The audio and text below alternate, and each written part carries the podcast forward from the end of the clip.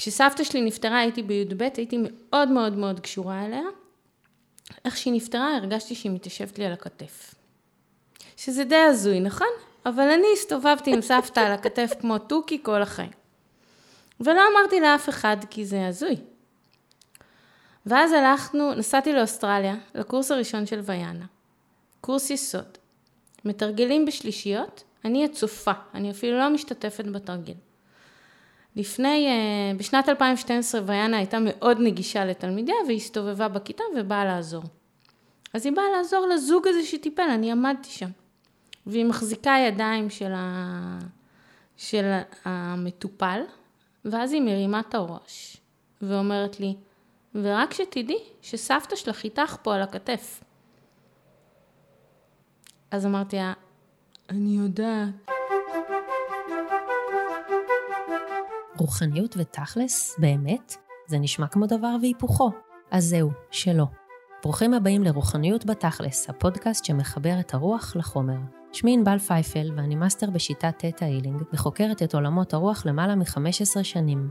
מה שהכי הייתי רוצה עבורכם זה שבזכות הפודקאסט הזה תבינו למה הכי כדאי לכם ללמוד להיות מחוברים לעולמות הרוח ואיך זה בתכלס יכול לעזור לכם לשנות את מציאות חייכם לטובה. כי מבחינתי, להיות רוחנית זה הכי תכלס שיש. בכל פרק אביא סיפורים מעוררי השראה על אנשים שעושים דרך בעולמות הרוח ומשלבים אותם בעולמות החומר, כדי שתבינו איך בזכות החיבור הגבוה הזה ניתן לשחרר מחיינו סבל ומצוקה ולחיות טוב יותר בכל המובנים. כל אחד יכול לעשות את זה, בכל גיל, בכל מצב, בכל שלב. שנתחיל? שלום וברוכים הבאים לעוד פרק בפודקאסט רוחניות בתכלס. היום נמצאת איתנו יודפת ויין, שהיא מטפלת ומורה בטטה הילינג. היי. אהלן. מה נשמע? בסדר, אני מה זה שמחה שהגעת עד אליי להתראיין ושזכינו להיפגש. גם אני. יודפת ואני מכירות כמה שנים? הרבה. הרבה. אנחנו מכירות uh, המון שנים, uh, הכרנו בעולם הווירטואלי, ואז לפני חמש שנים בערך, משהו כזה, נפגשנו. וואו, כן. זה היה עוד לפני הקורונה ועוד זה, נכון. ונפגשנו בערך, כן. אבל גם לפני זה, לדעתי כשוויאנה הייתה פה בארץ, את היית אסיסטנטית. נכון. ואני הייתי תלמידה עוד. אבל אז, את יודעת, היו שם איזה 200 ומשהו תלמידים, זה לא שבאמת יצא לי להכיר אותך, אולי בפנים, אבל... כן, אבל כן, הקורס הרציני היה קורס במצפה רמון. נכון, נכון. אז, אה, אז כן, ומאז אה, נוצר חיבור וככה, ואהבה גדולה, ואנחנו אה, נפגשות לנו לכל מיני תרגולים ולכל מיני טיפולים. ו... וגם המחקר שעשינו, שהוא החשוב נכון, מכל. נכון, נכון, נכון, זה גם נכון. תסתכלו, או, או תקשיבו יותר נכון לפרק שלוש בפודקאסט, שם אני מראיינת את דוקטור שירלי שפירא. נכון, בוודאי, עודפת ואני היינו ביחד במחקר הזה, וכן, ואז זה עוד יותר קירב בינינו. לגמרי. ובעצם, אה, את יודעת, אני מביאה אנשים לראיין אותם ולשאול אותם על כל מיני דברים שקשורים לרוחניות ו... ולמה כדאי להיות רוחנים, ו... אז אני רוצה להתחיל בשאלה... למה כדאי להיות רוחנים? כדאי, יש לזה קופונים, אחד ועוד אחד. אני אגיד לך למה אני אומרת את זה ככה. כי אני מבחינתי, רוב שנות חיי עדיין הייתי בן אדם שלא האמין בשום דבר מעבר לכאן ולעכשיו, לא האמין שיש בכלל איזשהו משהו כזה גבוה מאיתנו, רוחני, אה, בטח שלא בגלגולים, בטח שלא בחיים פעם אחת, לעשות את זה הכי טוב, ו- וזהו, אין שום דבר מעבר לזה. וזה פשוט uh, כל כך שדרג ושיפר את החיים שלי. לגמרי. ש- שבעיניי באמת כדאי להיות רוחני. זה... יאללה, קונה. אכן כך. אז בואי תגידי לי, מה זה רוחניות מבחינתך? רוחניות זה ההבנה שיש פה דברים מעבר, שזה לא רק מה שרואים בעיניים ולא רק מה ששומעים באוזניים המציאותיות, ושקורים פה דברים שהם לא סתם, ושברגע שמבינים שיש פה שפת סימנים שלמה ואנרגיות שתומכות, אז ארגז הכלים שלנו גדל, וכתוצאה מזה אנחנו יכולים לבקש יותר דברים ולקבל יותר דברים לפעמים, ולקבל פרספקטיבות אחרות, ובכלל להסתכל על היקום הזה אחרת, זה מאוד מקל. לחיות את החיים המאוד דרמטיים וקשים, כשאנחנו מבינים שבעצם אולי קורה פה משהו אחר, לא רק מה שאנחנו אה, חווים בכביש או בפוליטיקה, או ביום יום שלנו, או בקשיים שלנו, וזה משרת משהו אחר שהוא הרבה יותר גדול מזה. אה, בן זוגי אומר שצריך כזה משהו לאחוז בו, אבל אני חושבת שזה לא אחיזה. אני חושבת שיש שם איזו אמת מאוד מאוד חזקה, שכשמבינים אותה, הכל נראה אחרת. מפשיט את העניינים. כשאת אומרת שבן זוגך אומר שצריך איזושהי אחיזה, זאת אומרת שהוא לא אוחז בזה? קודם כל הוא אוחז בזה כי הוא כבר מספיק שנים איתי, אבל בתחילת דרכי... זה לא אומר כלום. אני הרבה שנים עם אייל, בן זוגי, והוא ממש לא אוחז בזה. אז בתחילת דרכי אה, אה, ביקשו ממני לא לדבר על הזליגות שלי בקול רם. אבל פשוט uh, כמות ההוכחות שהתחילו להופיע ודברים שהתחילו לקרות uh, גרמו לכולם להסתכל אחרת, ועכשיו מנצלים את הכלי היטב. גדול. אז כן. אז ממתי בעצם את, uh, את רוחנית? נגיד, אצלי זה קרה בזמן מאוד מסוים שאני יכולה להגיד עליו, מה, איך זה היה אצלך? אז אני חושבת שנולדתי רוחנית, למשפחה מאוד מאוד לא רוחנית. כל הילדות שלי בכיתי. כל הילדות, כן. כל, כי? אז, כי הרגשתי שמשהו לא, לא, לא הבנתי, משהו לא היה כמו שצריך להיות. אמ, היה לי אבא שהוא היה מאוד מאוד שכלתני, אבל היה לו משפט, תלכי לפי הבטן שלך. כשהבאתי בטן שלא תאמת השכל, אז זה לא תמיד עבד, אבל בכל זאת המשפט הזה היה שם. אמ, תמיד דגמתי, הלכתי לקורות בקפה וקורות בקלפים, וזה עניין אותי בטירוף. אבל המעבר הרציני היה כשאבא שלי נפטר, והתחלתי לקבל סימנים משמיים, וגם התחלתי לטפל בעצמי, והמכשפה במרכאות, שקוראים לה הפייה הטובה עכשיו, אה, יצאה החוצה. אה, אז באמת אה, התחלתי לעשות את המסלול ש... הביא אותנו עד הלום. אבל כל השנים זה ממש ריתק אותי העולם הזה, והבנתי שמשהו אני לא מבינה. אני חושבת שהפעם הראשונה שהספר הראשון שעשה לי משהו, אבל הוא היה מדע בדיוני, זה היה תעתועים של ריצ'רד באך, שקראתי אותו בגיל 19, והתחברתי לכל ההמלצות האלה שיש לו שם ב... את קראת את הספר הזה? את זה לא קראתי. אז קודם כל אני ממליצה לכל קוראינו לקרוא אותו. עכשיו יופי, יש כבר תעתועים שתיים, אבל הוא רק באנגלית. זה סיפור אה, שמספר על משיח שמגיע ונותן כל מיני המלצות לחיים. שהטוב והרע במו ידיך נברא, והבחירה בידך בלבד, וכל מיני כאלה. ונגנבתי. לפני uh, חודשיים נתתי לבן הצעיר שלי לקרוא את זה, שהוא בן 17, והוא נגנב. גדול. אבל הוא כבר חי את העולם הזה. אני אז לא ידעתי כלום, ופתאום, אז זה היה איזה wake-up אולי, לא יודעת להגיד. והספר הבא שעשה לי את ההבדל, אה, רק אהבה היא ממשית של אה, וייס. וייס שכתב את שורשים ושיעורים בזמן? כן, אז הוא מספר שם על soulmate ברק אהבה היא ממשית, או שאולי ככה קוראים לזה, או דומה. ואז הרגשתי שמשהו התיישב לי. Hmm. ועדיין לא עשיתי עם זה כלום. אגב, זה עוד ספר שלא קראתי. ממליצה גם עליו? אני ממליצה פה על ספרים. כן, כן, בהחלט. כמבוא לרוחניות, בהחלט. אה, ועדיין לא עשיתי עם זה כלום. עדיין המשכתי להיות, פיתחתי קריירה מאוד מפוארת, הייתי סמנכ"ל של חברה, עסקתי בפיתוח הדרכה, בכלל לא התעסקתי בדברים האלה, מדי פעם הייתי הולכת לשמוע אסטרולוגים, קורות בקלפים, כל מיני כאלה.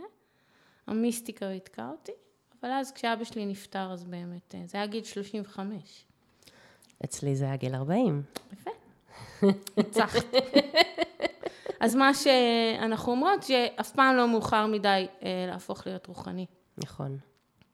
או ממש. להתחבר לרוחניות שלנו. דרך אגב, אני לא חושבת שאנחנו הופכים להיות רוחניים. אני חושבת שזה שריר שיש לכולם, ופשוט לא פיתחנו אותו או הדחקנו אותו, וברגע שהתחלנו להתאמן אז הוא משתפר, לחלק משתפר מאוד, לחלק פחות, אבל זה שריר.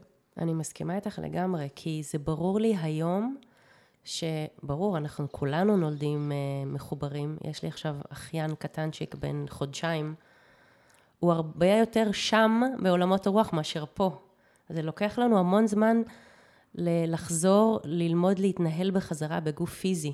כי כשאנחנו נולדים אנחנו עדיין הכי לגמרי שם. ו... וזה גם בדיוק מה שאמרתי לא... לאיש שלי, שפתאום אה, נמצא עם איזה מישהי שהייתה כמוהו, שלא לא מאמינה בשום דבר מעבר לכאן ולעכשיו, ופתאום היא מתחילה לדבר על בורא כל שישנו, ולהאמין בכל מיני דברים כאלה, והוא שאל אותי, אבל מה קרה? מה... איזה הוכחה פתאום קיבלת? מה השתנה? תגידי לי, אולי גם אני אשנה את הדעה שלי. ו... שזה לא דעה פשוט. אז קודם כל לי היה איזשהו משהו שהוא היה ממש בום כזה של המפץ הגדול, כי בעודי עדיין לא מאמינה בזה, התחילו לי פלשבקים מגלגולים קודמים, ברמה שאני חשבתי שאני משתגעת ומשהו ממש לא בסדר איתי. אבל מעבר לזה, באמת כש, כשניסיתי להסביר לו איך, זה עוד אפילו היה לפני, איך, אה, איך פתאום התחלתי בכלל לבדוק את האופציה של משהו כזה. אז זה בדיוק כמו שאת אומרת, זה... התשובה ש, שמצאתי, מה שאמרתי לו זה שאני מרגישה שאני נזכרת במשהו שפעם ידעתי ושכחתי. וזה בדיוק על לאמן את השריר הזה שאת אומרת. לגמרי, שהוא קיים אצל כולם, לגמרי, והשאלה האם אנחנו עושים איתו ספורט, או האם הוא מנוון. לגמרי. בול. אמ, אמרת ככה, אני לא יודעת אם מתאים לך להיכנס לזה, אבל זה נשמע לי מאוד מעניין, אם מתאים לך. אמרת שהיו כל מיני דברים אה, סביב המוות של אה, אבא, שככה... כן, אבא שלי נפטר ב-40 יום, מהרגע שהודיעו לו שהוא חולה ועד שהוא נפטר. וואו, זה זמן מאוד קצר. כן, להיפרד קצר ממנו. אך מספיק. לגמרי. זאת אומרת, הוא לא, הוא לא סבל. הרבה. וב-40 יום האלה, קודם כל הוא נתן לי לקחת אותו לכל המטפלים האלטרנטיביים שדגמתי כל החיים לפני זה, הוא התמסר אליי לגמרי, שזה היה מאוד יפה מצידו, כי הוא לא האמין בכלום. אבל אז כשהוא נפטר, ש- אה, פשוט שקעתי בדיכאון קל, או לא קל.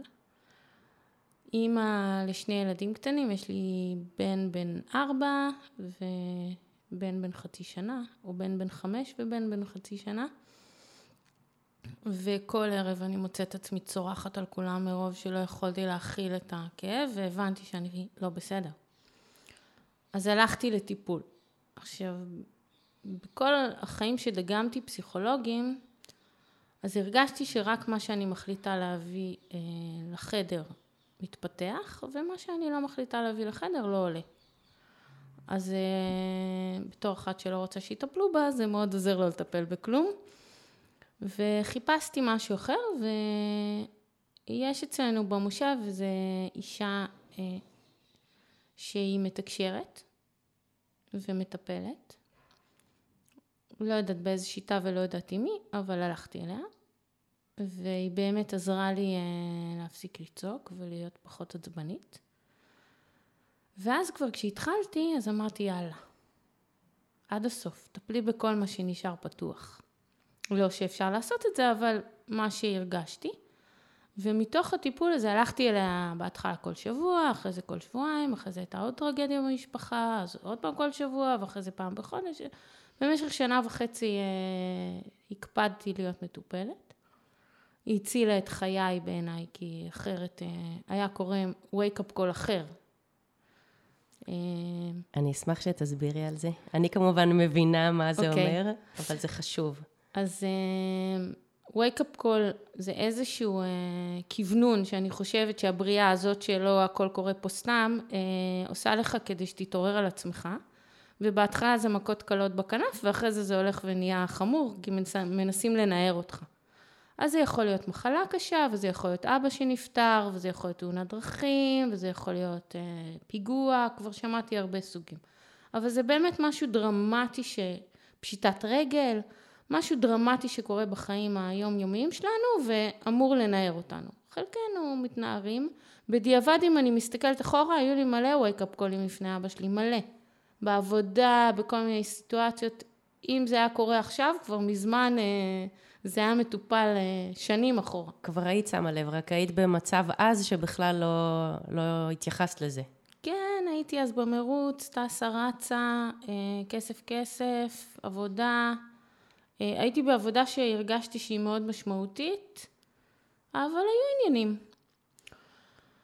בקיצור, אז באתי לאישה הזאת, ותוך כדי הטיפול, מה שעלה אה, זה שאני רוצה אה, להתעסק ביכולות המיסטיות שלי. אז חיפשתי כלי, והלכתי ללמוד קריאה בקלפים, ולמדתי סוג אחד של קריאה בקלפים, ואחרי זה סוג שני של קריאה בקלפים, והכנסתי את כולם לדיכאון. כי ידעתי לקרוא, כי הבחנתי, ואמרתי, יהיה ככה, יהיה ככה, אה, ככה, זה ככה. ממש ברמה כזאת? כן, התחלתי לעשות סטאז'ים על החברות שלי, כולם נכנסו לדיכאון, ואז החלטתי שאני בן אדם לא אחראי, כי זה לא בסדר, וחיפשתי כלי טיפולי. בסדר? ויש לי, אה, יש לי, הייתה לי חברה, ששנים אמרה לי, תלכי ל theta healing, תלכי ל theta healing, תלכי ל theta healing, תלכי ל theta healing. אז הלכתי ל theta healing. אז היא שלחה אותי למישהי, והסתכלתי באתר שלה והוא לא מצא חן בעיניי, שדרך אגב היה סגול כולו. עם בעל סגול, אבל לא סגול כזה. האתר שלי גם מלא בסגול. וגם ואם- שלי הכל מלא בסגול. ואם תשימו לב באפליקציה פה של הפודקאסט, אז הפרק הוא ברקע סגול, ו... אז לא סגול כזה, סגול סגול.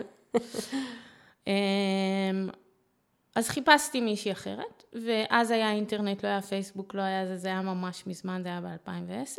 עברתי אתר אתר עד שהדהדה לי מישהי. אמרתי, טוב, כתבתי לה מייל, אני חושבת. היא אמרה לי, אין בעיה, בואי למצפה רמון. אמרתי לה, לא נראה לי, אני גרה במרכז, תבואי למרכז. כשיש לך קורס במרכז, תגידי לי, אני מחכה לך. ואכן היא טובה קורס במרכז, והשאר היסטוריה. למדתי את זה, אני חושבת שביוני 2010 היה הקורס הראשון שעשיתי. שלושה ימים, הכי הזויים שהיו לי בחיים. אמ, אבל קרה שם משהו, וגם כבר הייתי פתוחה ומטופלת ומדויקת יותר עם עצמי. היא עשתה עליי טיפול לדוגמה, ובטיפול היא שאלה אותי, את רוצה לקבל איזושהי תשובה על איזושהי שאלה? ואמרתי לה כן, ופתאום נכנסה לי מילה לראש, שגם אם היית עכשיו מביאה אותי לכלא הסורי ומענה אותי, המילה הזאת לא הייתה עולה על דעתי לגבי השאלה הזאת. אני חושבת שהיא שאלה אותי איזה נשמה את, בסדר? והתשובה שקיבלתי לא הייתה דומה לשום דבר שיכול היה לבוא ממני. אז אמרתי, טוב, היא שלחה לי משהו, כאילו, היא חשבה על משהו וזה הגיע. אבל היא לא הכירה אותי, כי נרשמתי לקורס שלה בלי לעשות טיפול ובלי לדבר איתה קודם, והיא פגשה אותי בבוקר. אז אין מצב שהיא חושבת עליי את הדבר הזה, כי זה לא דומה לשום דבר שנראה בחוץ. ואז חשדתי, אז לקח לי עוד חצי שנה, חשדת שמה? שיש שם משהו, שהכלי הזה יש בו משהו. עוד חצי שנה, כל הזמן מטופלת אצל המתקשרת הזאת, ונרשמתי לקורס הבא. ואז הכל קרה. אה, שלושה ימים אחר כך נרשמתי לאנטומיה אינטואיטיבית, שזה היה הקורס הארוך. וואו. לא, כי הבנתי. למדתי יסוד, חצי שנה אחרי זה מתקדם, זה עוד שלושה ימים. הכל קרה שם, הבנתי, קיבלתי, ידעתי ש...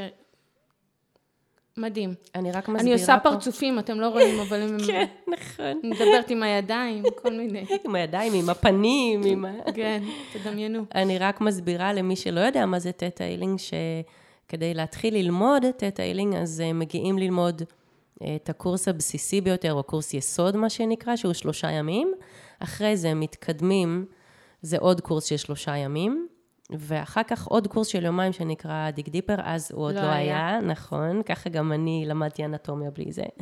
אנחנו פה, סליחה, אנחנו מדברות פה אה, דברים של אה, מורות ומי שמבין בתטא. בקיצור, יש מסלול שצריך לעבור, כי כל קורס הוא אחר כך נסמך על, אה, על הקורס שלפניו, ויש סדר בדברים, ורק אחרי שלומדים כמה קורסים אפשר להמשיך אה, הלאה. ובעצם, אנטומיה אינטואיטיבית זה, נכון לרגע זה, הקורס הכי ארוך, זה קורס של שלושה שבועות.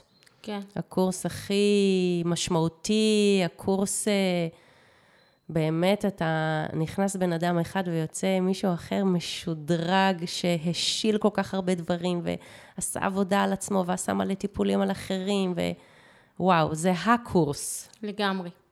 ואנחנו אז... שתינו מורות של הקורס הזה. כן, רק אני לא מלמדת אותו. את לא מלמדת לא, אותו? לא, אין לי סבלנות לקורסים ארוכים, אבל אני שולחת לענבל באהבה. אני כל אה, קיץ אה, מלמדת, אה, ביולי.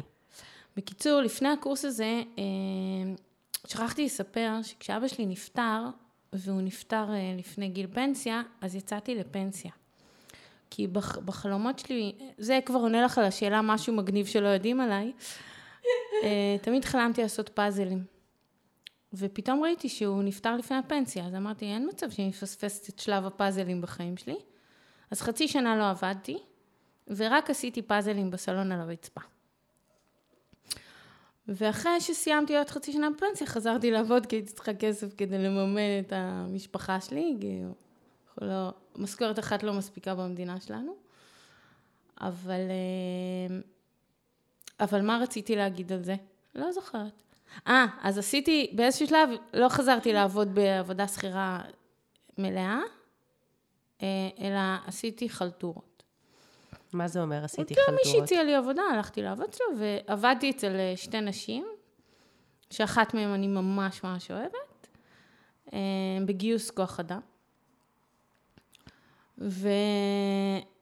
וקורס אנטומיה, שלושה שבועות, איך עוזבים את העבודה? אז באתי אליהם ואמרתי להם, תקשיבו, זה קריאה שלי ואני אעבוד אחרי הקורס. הקורס היה מתשע עד חמש, גיוס כוח אדם, אני אעשה שיחות, אני אעשה בהפסקות. והשנייה, אחת אמרה לי בוודאי, אבל השנייה אמרה לי, אני לא אעצור אישה מלהתפתח. מקסים, נכון? אכן היא לא עצרה אותי, כי מיד אחרי הקורס פוטרתי, ויכולתי לטפל בטטה הילינג. אז אל תפחדו. אני מספרת לכם את זה כדי שלא תפחדו. שלא, לכם... יפחדו מה? לעזוב הכל וקצת להצטמצם כלכלית ולשים כסף ולהשקיע בזה. זה, זה מאוד משמעותי, זה הרבה כסף, זה גם לא לעבוד וגם קורסים שהם יקרים, אבל הם משנה חיים, כי אחרי אנטומיה אפשר לטפל. אחרי אנטומיה של 45 טיפולים, או נגיד קצת פחות, 40 טיפולים, כל יום עושים שלושה טיפולים, בשבוע הראשון רק שניים. ככה היה אז. אתה מרגיש, אני הרגשתי, שאני יכולה לצאת לדרך. ואכן יצאתי לדרך, ו- וככה נהייתי מטפלת, אז לא לפחד. לא להיות מאוימים. כן, זה, זה מעניין, כי בדיוק המרואיינת הקודמת שראיינתי, היא בדיוק דיברה, היא ממש קראה לזה מזון לנשמה. והיא אמרה שזה נדמה לנו שכאילו רק הגוף הזה מחזיק אותנו כאן. אבל, אה, אבל גם הנשמה מחזיקה אותנו כאן, וזה בסדר. בעיניי בעיקר, הנשמה. נכון. פחות עם הגוף. אה, נכון, גם הוא חשוב, הם שניהם כלים חשובים. לגמרי. אבל מה שהיא אמרה זה שאנחנו רגילים, נגיד, לשים לב ל... לאכול בריא, או לעשות ספורט, או לישון כמו שצריך, זאת אומרת, דואגים לתחזק את הגוף. אבל הנשמה שלנו, שהיא גם אה, מחזיקה אותנו כאן לגמרי, היא גם זקוקה לאיזשהו מזון.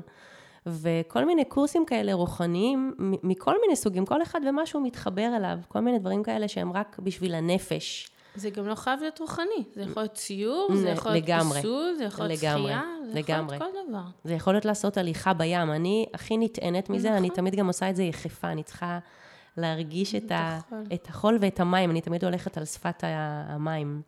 מדהים. זה פשוט מטעין אותי ברמות. אז uh, אנחנו זקוקים לזה מאוד. לגמרי. והדור שלפנינו אה, שם על זה טאבו, אז זה קצת היה קש, קצת קשה. הדור הבא לדעתי כבר אה, מטופל הרבה יותר. לגמרי, לגמרי. תקשיבי, אני זוכרת, אה, ממרום גילי, את יודעת, בת 55, אז נגיד לפני 50 שנה, או לפני 45 שנים. קודם כל, לא היו טיפולים אלטרנטיביים, לא היו מטפלים אלטרנטיביים.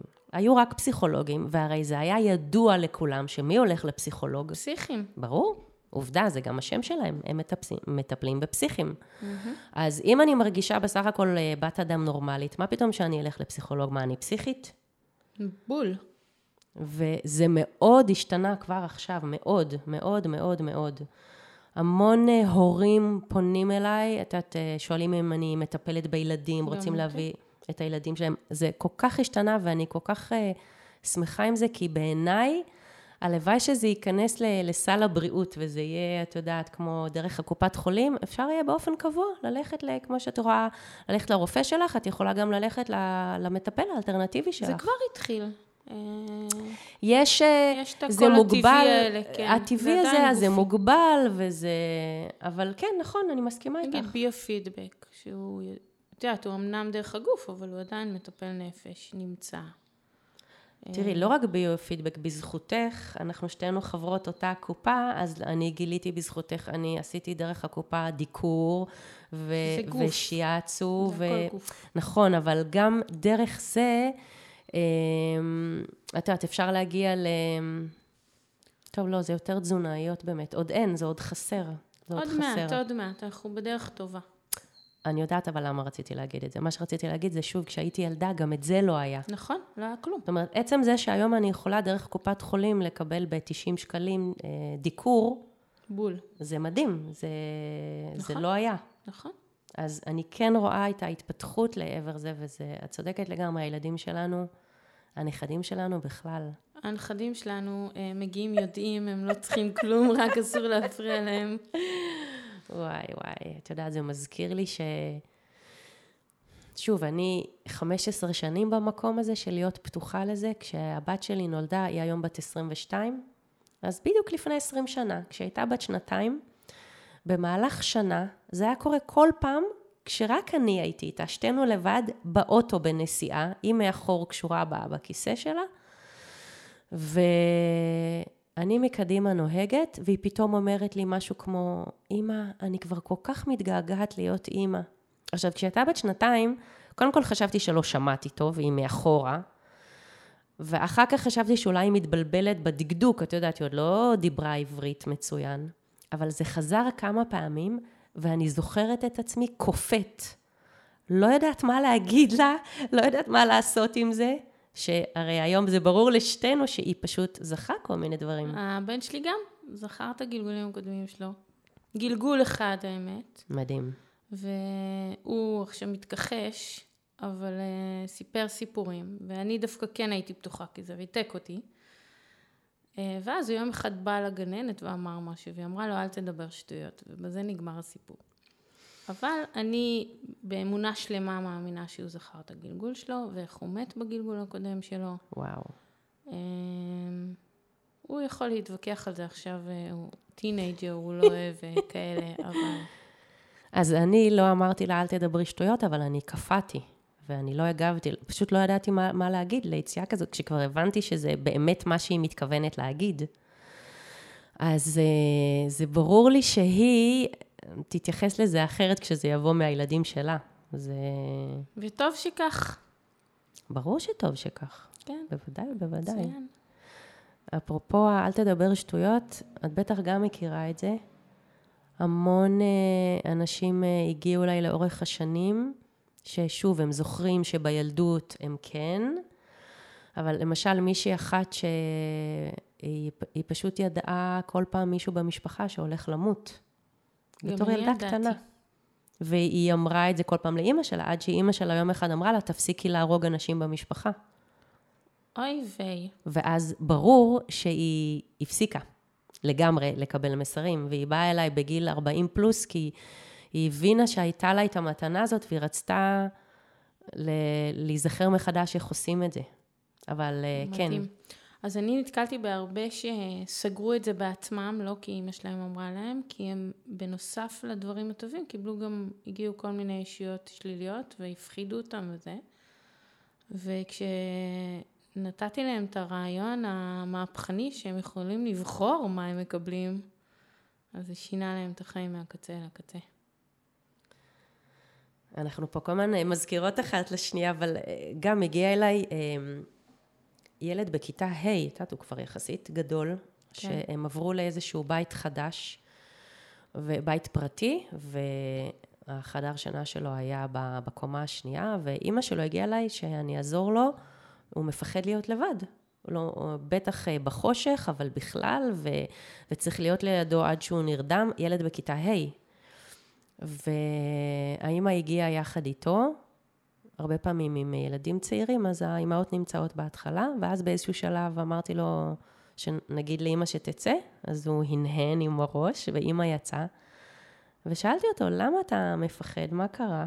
כי בבית הקודם הוא לא פיחד, לא פיחד. לא פיחד. לא פיחד, לא פחד.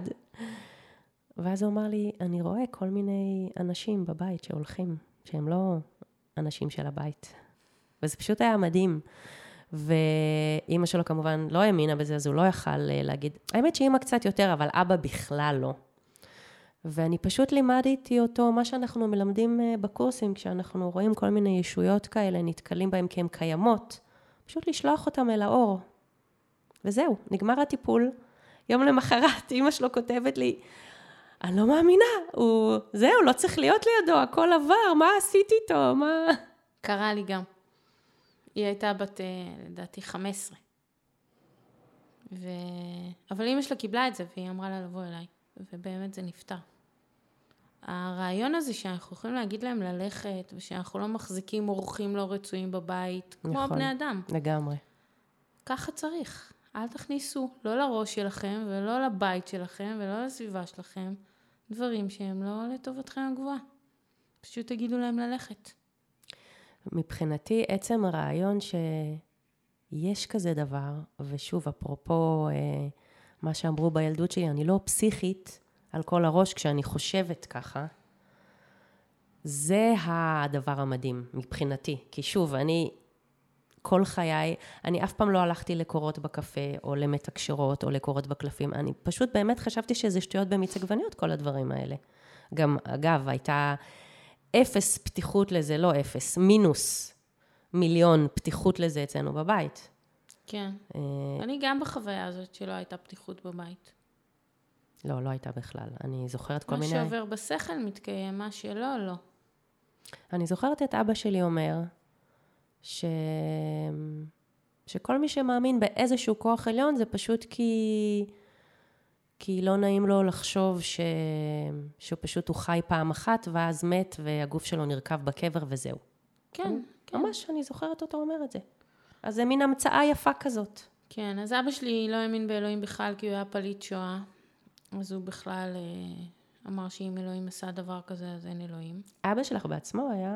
כן, אבא שלי ברח. אה, אבא שלו, הוא היה בן שנה, לא ש... זהו, כי אני אומרת, סבים שלי היו, ואנחנו די בנות כן, אותו גיל אבא פחות או שלי יותר. נולד ב-37, ואבא שלו פשוט עבד אצל הגרמנים, ואמר שכל מה שהם אומרים הם יעשו, ותפס את האישה והילד והלכו. אז הם לא עברו את השואה, לא, פליט, לא, אה, לא ניצול. לא ניצול. אוקיי. זהו, תהיתי מה עברו זה ה... לסיביר. הבנתי. הבנתי. אה, אז הוא לא האמין, ולא קיימו אצלנו מצוות ולא.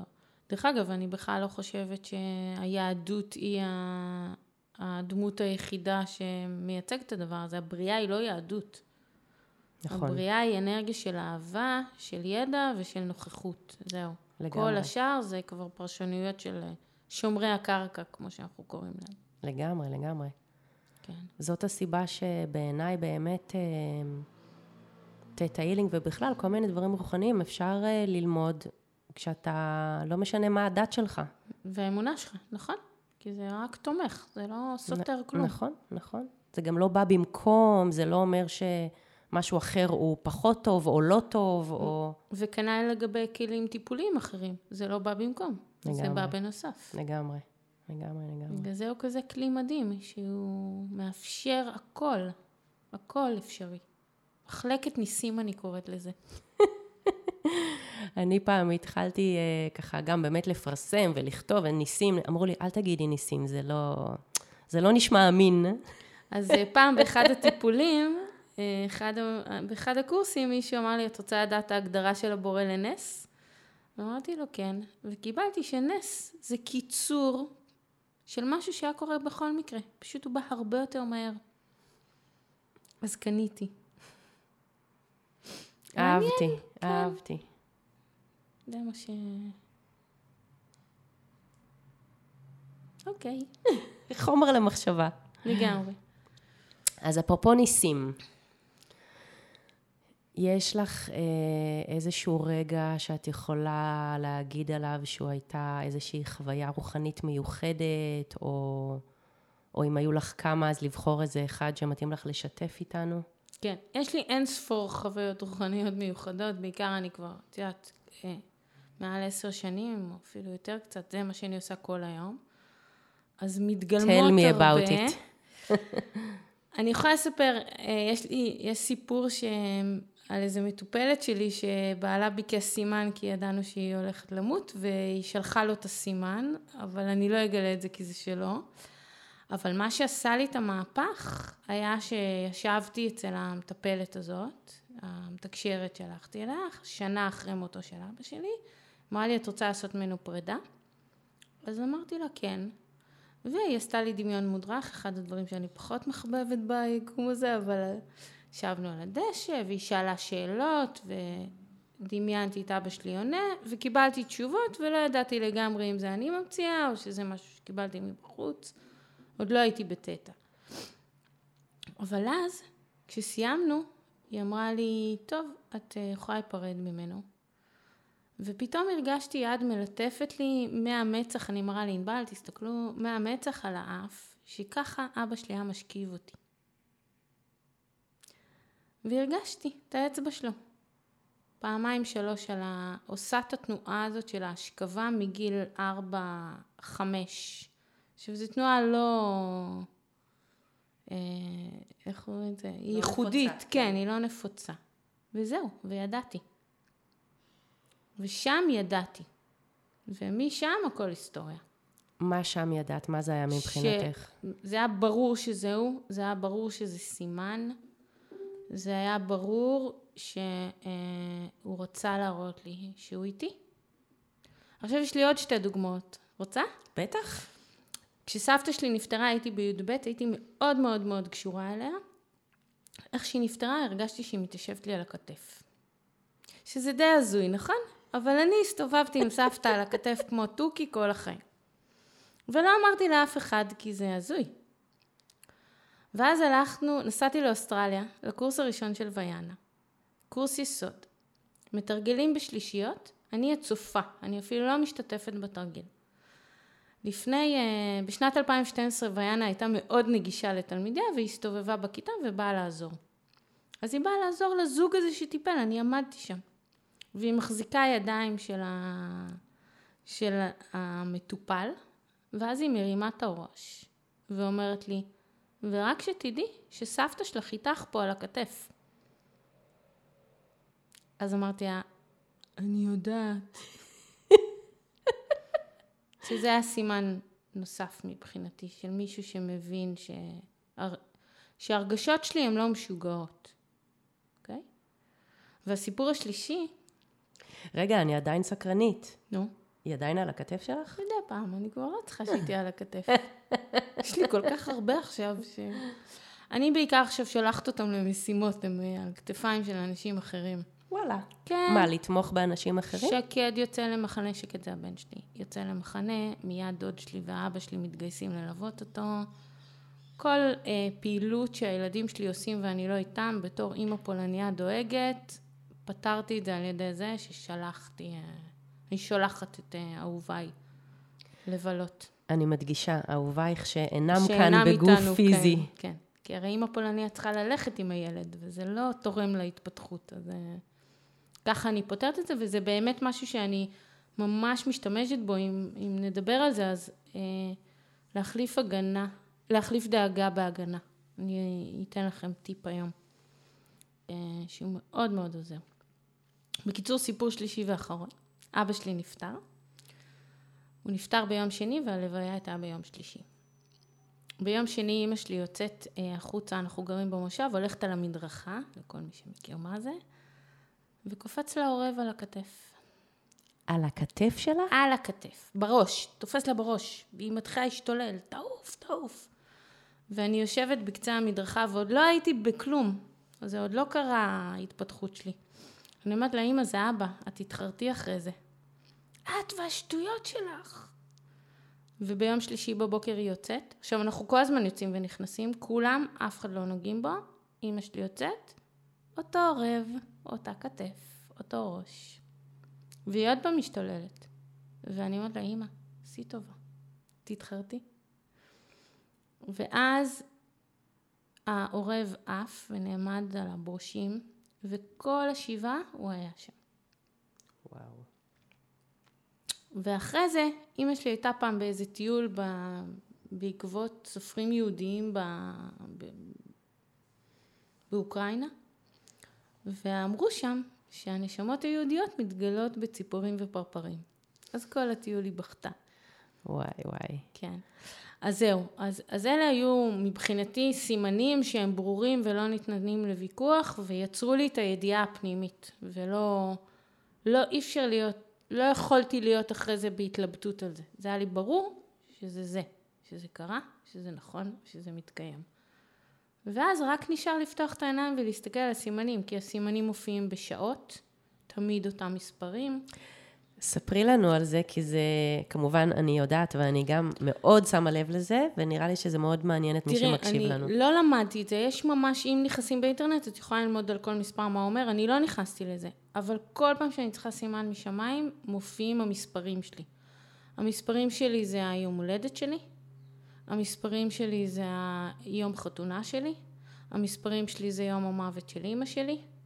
כל פעם שאני צריכה איזושהי... אה, תשובה אם מה שאני עושה הוא מדויק לי או לא, איך שאני פותחת את השעון, יש את המספר שלי.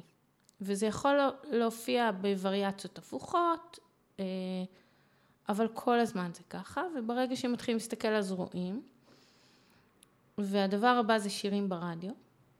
לגמרי. והדבר השלישי זה שלטים ברחובות.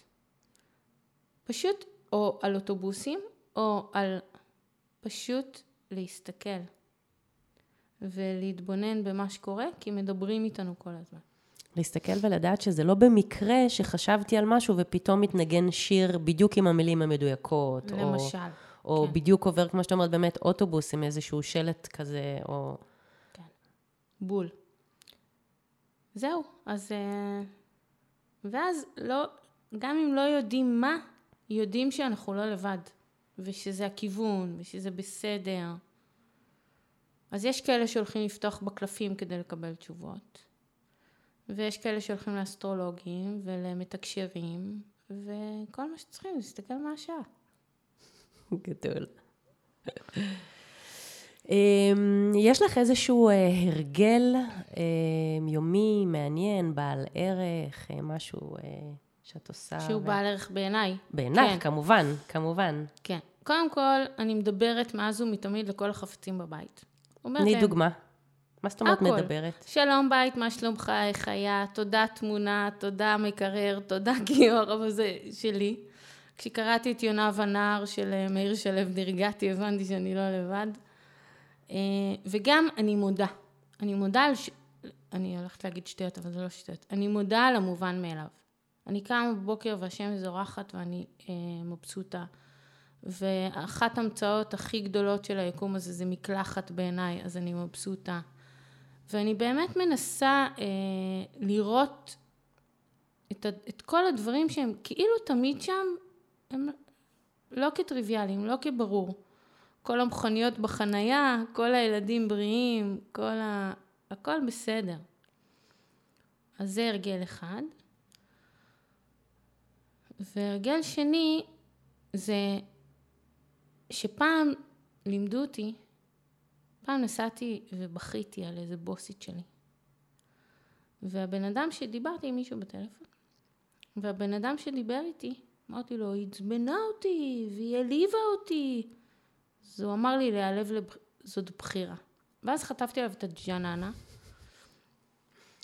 אבל חשבתי על זה, והבנתי שאם מישהו אחר היה אומר לי את אותם הדברים שהיא אמרה, יכול להיות שלא הייתי נעלבת. אז בעצם זה לא מה שנאמר, זה מי שאמר ואיך שנאמר. ואז זה נהיה בחירה, וברגע שהבנתי את זה, הפסקתי לבכות. מזכירה לך שבכיתי כל הילדות שלי. זה אחד הדברים שעצר אותי, כי הבנתי שיש לי בחירה על מה אני מכניסה פנימה, אפרופו ישויות מחשבות, ומה אני משאירה בחוץ. אז אה, אלה דברים שאני ממש מנסה להקפיד עליהם. את אה, מדברת עם מישהי שאני ככה אומרת על עצמי לפעמים ש... אם הייתה איזו תחרות היעלבויות, אז אולי לא מקום ראשון, אבל בטוח בין שלושת המקומות הראשונים, אני. הייתי אלופת ההיעלבויות. גם אני. אני כל הזמן בכיתי, באמת. ו... כי זה לא פייר. וברמה של לא לישון בלילה ולחשוב על זה, ולמה זה ככה, וזה, ו... אמ, ואצלי זה מה שעשה לי את ה-wake up call, אפרופו, זה עוד ספר שאני כבר כמה וכמה פעמים המלצתי עליו, ארבע הסכמות של דון מיגל רויס, mm-hmm. של אה, לא לקחת שום דבר באופן אישי, נכון? אז מישהו אמר לי את הדבר הזה, או עשה לי את הדבר הזה, או קבע איתי ולא הגיע, או לא יודעת מה. זה לא קשור אליי, זה לא נעשה משהו אישי נגדי, ואני, יש לי את הבחירה האם להיעלב מזה, או האם להגיד, אוקיי, בסדר, גם זה קרה. אני רק רוצה להוסיף שהרבה פעמים ההיעלבות היא אוטומטית, התגובות שלנו הן אוטומטיות, אבל השאלה כמה זמן לוקח לך לצאת מזה. ואם פעם היינו טוחנות את זה וישנות על זה ולא מדברות עם הבן אדם וכולי וכולי, אז עכשיו אנחנו, זה לוקח לנו בין חצי דקה לשעה ו, או יומיים, ואנחנו, כאילו משהו שהיה אורך שנים הפך להיות יומיים, ומשהו שהיה אורך אה, חצי יום הפך להיות דקה, וגם אחרי זה הם מתרגלים כבר בכלל לא לקחת. ממש, ממש אבל ככה. אבל אל תכעסו על עצמכם אם אתם נעלבים, זה טבעי. שאלה תוך כמה זמן משנים את ההתנהלות נכון, הזאת. נכון, נכון, זה מאוד חשוב. זה, ל... זה לא רק טבעי, אני גם היום מאמינה שהגענו לכאן כדי לחוות את כל מגוון הרגשות. לגמרי. וזה מאוד חשוב לעשות את זה, כי בתור נשמות חסרות גוף, אנחנו לא יכולות לעשות את זה. לגמרי. ו- וזאת אחת המטרות של, וזאת הדרך שלנו לצמוח ולגדול ולהתפתח כנשמות בגוף פיזי. וזה באמת, זה, זה גם כמה זמן שקעתי לתוך ההיעלבות הזאת, או כעס, או עצב, ושוב, ברור שאם סבא שלי נפטר לפני חודש וחצי, אז אני הייתי עצובה מאוד על זה, זה ברור, אוקיי? אנחנו לא אמורים להפוך לאיזה מין רובוטים שלא מרגישים שום דבר. השאלה היא, תוך כמה זמן יצאתי מזה? השאלה איך התייחסתי לדבר הזה? השאלה היא, שוב, קרה משהו ספציפי, אדם אהוב נפטר, אבל אם אני מסתכלת על כל החודש האחרון שלי, רוב הזמן, מה יותר הייתי? עצובה או כעוסה או, או בעלבון, או שיותר שמחה ו, וחיה ובכיף? זאת אומרת, זה, זה העניין, מינונים ואיזונים. לגמרי. עכשיו חזרתי, הגעתי לפה ממדקרת. ובאמת אני אחרי אה, שנה מאוד מורכבת, וגם החודש האחרון היה מאוד מורכב, והיא שאלה אותי מה שלומך, ואמרתי לה, ביומיים האחרונים, הקלה מטורפת. אז היא אומרת לי, אנחנו לא סופרים יומיים. אמרתי אנחנו כן סופרים יומיים. ברור, אנחנו לגמרי. סופרים יומיים. והכל נחשב, ואם עכשיו אני בהקלה, אז זה נחשב, ואם יבוא משהו אחר, אז נתמודד איתו. לגמרי. ענבל סופרת לי דקות, הזמן עובר לה מהר מדי. הזמן טס, time flies when you're having fun. אני רוצה לדחוף את יודפת Talk עכשיו, זה בדיוק את לא צריכה מתאים. לדחוף, אני בדיוק רציתי לשאול אותך, אין צורך לדחוף. אז יודפת Talk, שנמצא בתוך האתר שלי, שאתם יכולים לראות אחרי זה את הכתובת שלו, יש אה, רובריקה שנקראת יודפת Talk. יודפת Talk זה סרטונים שהכנתי אחרי הרבה מאוד שנים של טיפול, שבהם הבנתי שיש דברים שחוזרים אצל אנשים. ומצאתי אה, המלצות לתרגולים על איך לשנות. אז אני אתן לכם את הדוגמה של דאגה והגנה, אבל יש שם על אחריות ויש שם על המון דברים. שזה נכניס את זה כבר גם כמו איזה טיפ כזה ל- לסיום, ל... לא, מישהו עכשיו, מישהו בזמן האחרון אמר לי, אל תגידי טיפ, זה מקטין מזה, תגידי עיקרון. תשר, סבבה. אז לא תשר, אלא עיקרון ל- לחיים יותר טובים. כן, כן, לגמרי. אז, אז באמת הרבה דברים עולים שוב ושוב ושוב. אני רק רוצה לתת דוגמה. למשל, הר- הרבה פעמים כשאנחנו ילדים, אנחנו מסתכלים על ההורים שלנו ואנחנו נשבעים שאצלנו זה יהיה אחרת. ואז אנחנו מביאים באופן מדויק את אותו דבר כדי לבדוק שזה אחרת. אז אם אתם מודעים לזה, אז אתם יכולים לשנות. אבל לא זה. דאגה והגנה. אה, אימא פולניה, את יודעת מה ההבדל בין אימא פולניה לרוטוויילר? לא? הכלב עוזב את הילד בסוף. בסדר? אז אם הפולניה לא עוזב את הילד, ובאמת אנחנו לא בשליטה על כל דבר שאנחנו עושים, למשל, ילד חייל, עכשיו הוא איפשהו אה, לא ידוע, ואני... או בת שמטיילת בדרום אמריקה, ואין יאללה. קליטה, ו... בבקשה. יש לנו בת שמטיילת בדרום אמריקה ואין קליטה. ובתור אימהות, באופן אינסטינקטיבי אנחנו דואגות. עכשיו, דאגה היא איזשהו פתרון של תת המודע לאיזון. מה זאת אומרת? הרי את לא נוסעת עכשיו להיות איתה, את יושבת פה איתי ומדברת. אבל הערך האימהי שלך לא מאפשר לך לא לעשות משהו. אז מה תעשי? אז את דואגת. ואז נוצר איזון בתוך תת המודע, שבעצם עשית משהו למען הבת שלך בדרום אמריקה, הנה את דואגת לה, ואת יכולה להמשיך את חייך כי אין לך באופן פיזי משהו לעשות. אז אני רוצה להמליץ לך משהו. במקום לדאוג לה, דאגה גונבת אנרגיה מאחר. תגני עליה. איך מגינים? שולחים אהבה. איך שולחים אהבה? מדמיינים, דובוני אכפת לי, לבבות, אחד מאהובינו שפסו מהעולם, שייסעו לטייל איתה, זה שבעיקר אהב לטייל. לא את הסבתא החננה שלא יצא מהבית. זה שהיה תרמילאי. בסדר? או זה שיודע להסתדר בשטח. ובעצם את שולחת אהבה, אז את מחזקת את העילה.